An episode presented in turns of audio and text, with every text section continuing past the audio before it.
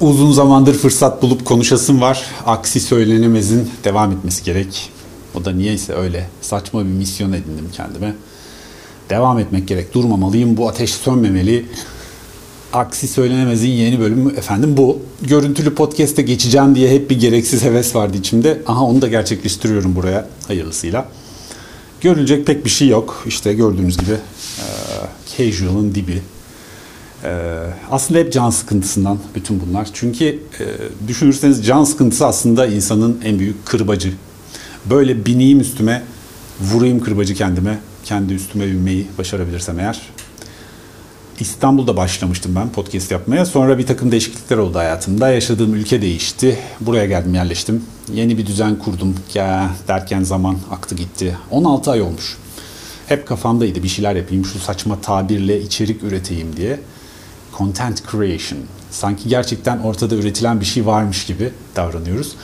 Aslında adını koymak lazım. Ürettiğimiz şey karbondioksit başka bir şey değil. O yüzden ee, o da sera gazı zaten ozon deliyor. İçerik üretiyorum diyen arkadaşlara buradan seslenmek istiyorum. Sigortalı iş bulun çalışın. Manyak manyak konuşmayın. Bu ve bunun gibi bir dolu serzenişte bulunacağım. Ayar vereceğim, özlü sözler söyleyeceğim, yarısı uyduruktan. Zira aksi söylenemez. Sığ felsefe, emekli albay hezeyanları, gereksiz life hackler, varoluş sancıları, internet dayıları arasında sıkışıp kalmış bir fenomenon. Ben bu fenomenonun sadece elçisiyim kendime görev addettiğim doktrin 40 yaş üstü toplumun e, işlevsel bir parçası olmayı başaramamış ya da başarmış ama bununla gurur duymayan her Türk pasaportu taşıyan bireyin ya da Türkçe konuşan bireyin beyin kıvrımlarında biriken düşünce tortularının sözcüsü olmak, ortaya habersiz gelen ilkbahar hapşırığı gibi patlamadan sönen küçük fikir bombaları atmak ve akabinde topuklarım kıçıma değerek pek de atletik olmayan bir formda kaçarak uzaklaşmak şeklinde misyonlar içeriyor. Çünkü bir şey söyleyip orada durursanız cevap veren olur, trolleyen olur, kavga gürültü uğraşmamak lazım. Lafı söyleyip hemen konuyu değiştireceksin ki dinleyen ne oluyor lan diyemeden bir sonraki söylediğin saçmalıkla mücadele etmek zorunda kalsın. Aksi söylenemez. Biraz da bu yüzden söyleyecek zamanımız, zamanınız olmayacak pek. Söyleyecek zamanınız olmayacak pek. Tartışarak elde edilebilecek bir kazanım yok şu günlerde. Peki neden yani neden tartışamıyoruz diye soruyorum ben genellikle hep soruyorum kendime bunu. Ya da neden tartışmamalıyız? Bu sorular önemli sorular. Biraz böyle eğilmek isterim. 80'lerde 2000 ya da 80'lerle 2000'li yıllar arasında olgunlaşan arkadaşlar hatırlarlar belki bir söz vardı. Ya da birkaç söz vardı. Bunlardan birisi doğru söze ne denir? Şimdilerde pek duymuyorsunuz değil mi? Neden? Ya da yani eskiden doğru bir taneydi çünkü işin doğrusunu anlayalım denirdi. Doğru düzgün konuş denirdi. Özü sözü doğru denirdi. Ya şimdi doğru kimin doğrusu? Herkesin doğrusu farklı. Hadi doğruyu geçtim. Gerçek bile bir tane değil artık. Herkesin gerçeği de farklı.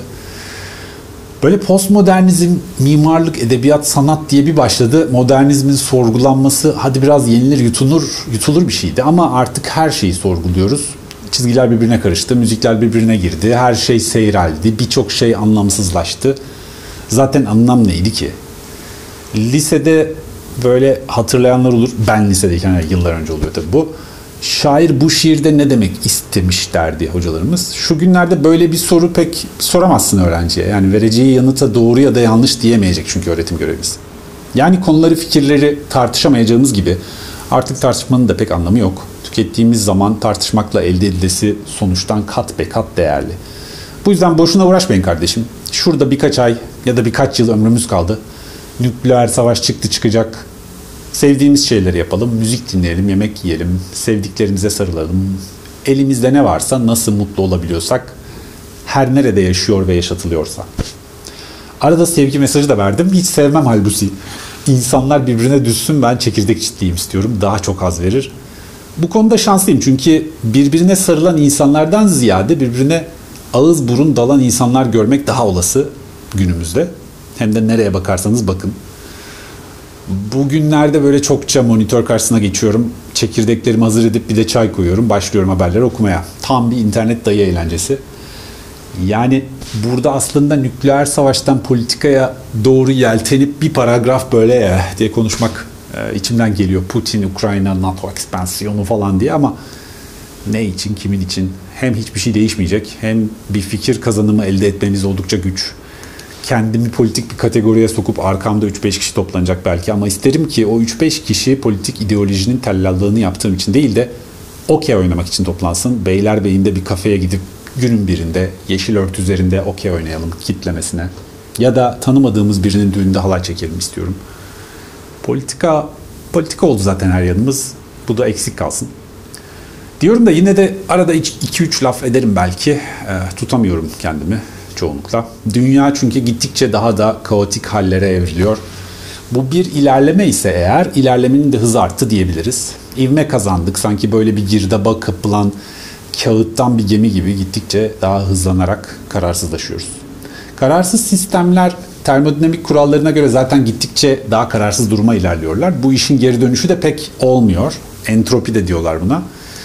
Sistemin tekrar kararlı hale dönebilmesinin tek yolu ise büyük bir yıkım ya da şok dalgası. Bu 1930'larda büyük buhrandı, 1940'larda 2. Dünya Savaşı'ydı, 2008'de Amerika'da emlak kriziydi, 2020-2025 arasında belki bir nükleer felaket olabilir. Bu ihtimal zannımca ve maalesef oldukça yakın ee, ve düşünmek olabildiğine çirkin ve üzücü.